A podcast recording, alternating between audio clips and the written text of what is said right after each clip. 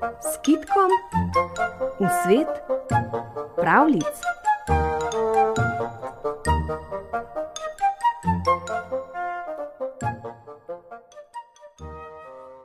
Italijanska ljudska pravljica: Železna hiška. Nekoč je živela lepa in bistra deklica, ki je prebivala z očetom in mačeho. Dokler je bil oče živ, se je deklici dobro godilo, ko pa je umrl, jo je mačeha nagnala z doma. Za obe je dom premajhen, je rekla. Katarina, tako je bilo deklici ime, se je torej napotila k stricem, očetovim bratom, da bi ji pomagali. Prvi stric je bil ribič. Ko je prispela do njega in mu povedala, da nima kje prebivati, je takoj predlagal, da izgradi pri reki hiško izločja. Ojej, ne, hvala lepa, je rekla Katarina. Taka hiška ne zdrži dosti. Kakor hitro bo zapihal veter, bo razpadla. Če bo reka narasla, jo bo odnesla. Bom šla raje k drugemu stricu. Drugi stric je bil tesar in ji je pri priči predlagal, da ji postavi leseno hiško ob cesti.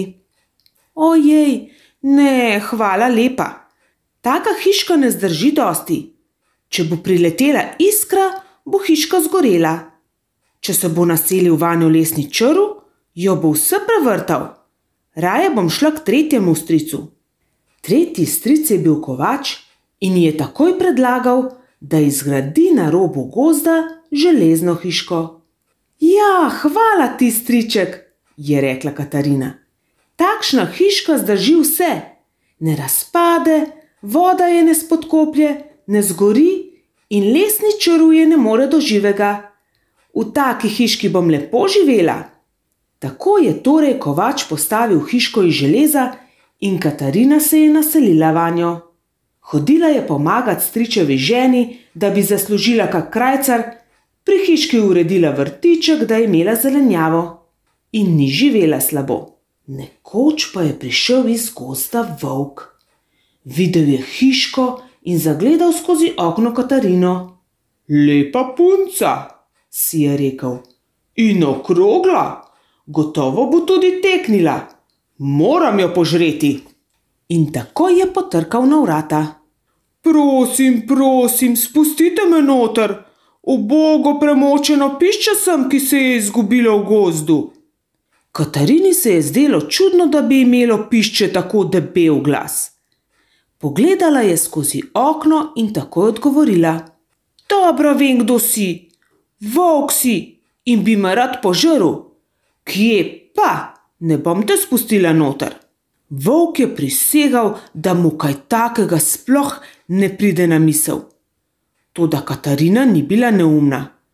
Odločno je zavrnila volka, zaprla vsa vrata in z Bogom.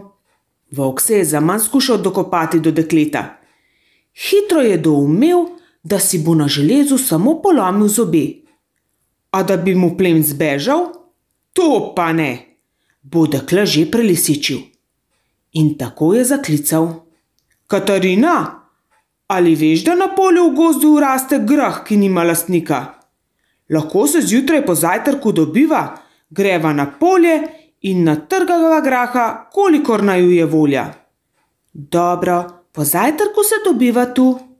Volk je bil vesel, da je deklico prevaral in se veselil pojedine.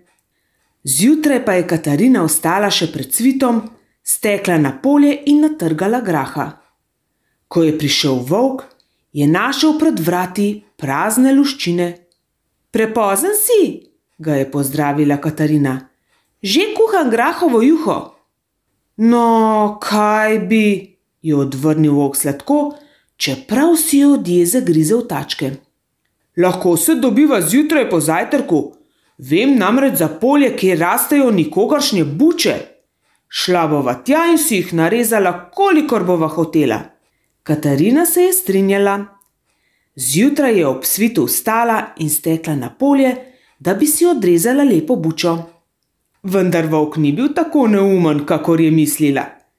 Ni šel v hiški, ampak se je odpravil naravnost na polje. Ko ga je Katarina oddalec zagledala, se je ustrašila. Volk me bo gotovo požrl, je pomislila. Do doma je predaleč, v gozdu me bo zlahka dohitel. Kaj naj storim? Potem pa se je domislila. Z nožem je izrezala luknjo v največjo bučo in zlezla vanjo.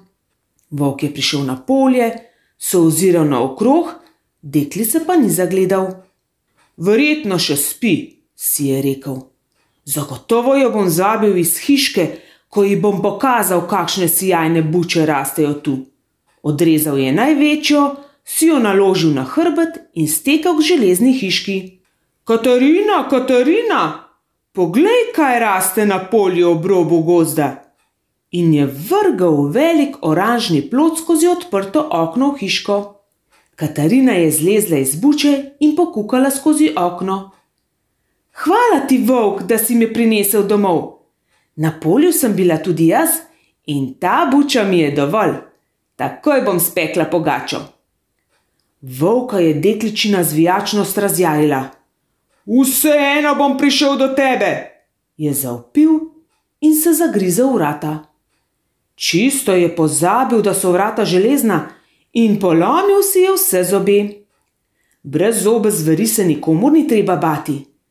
Volk je izginil v gost, ter tam zdaj žveči mah in liste, da bi vsaj malce potešil lakoto.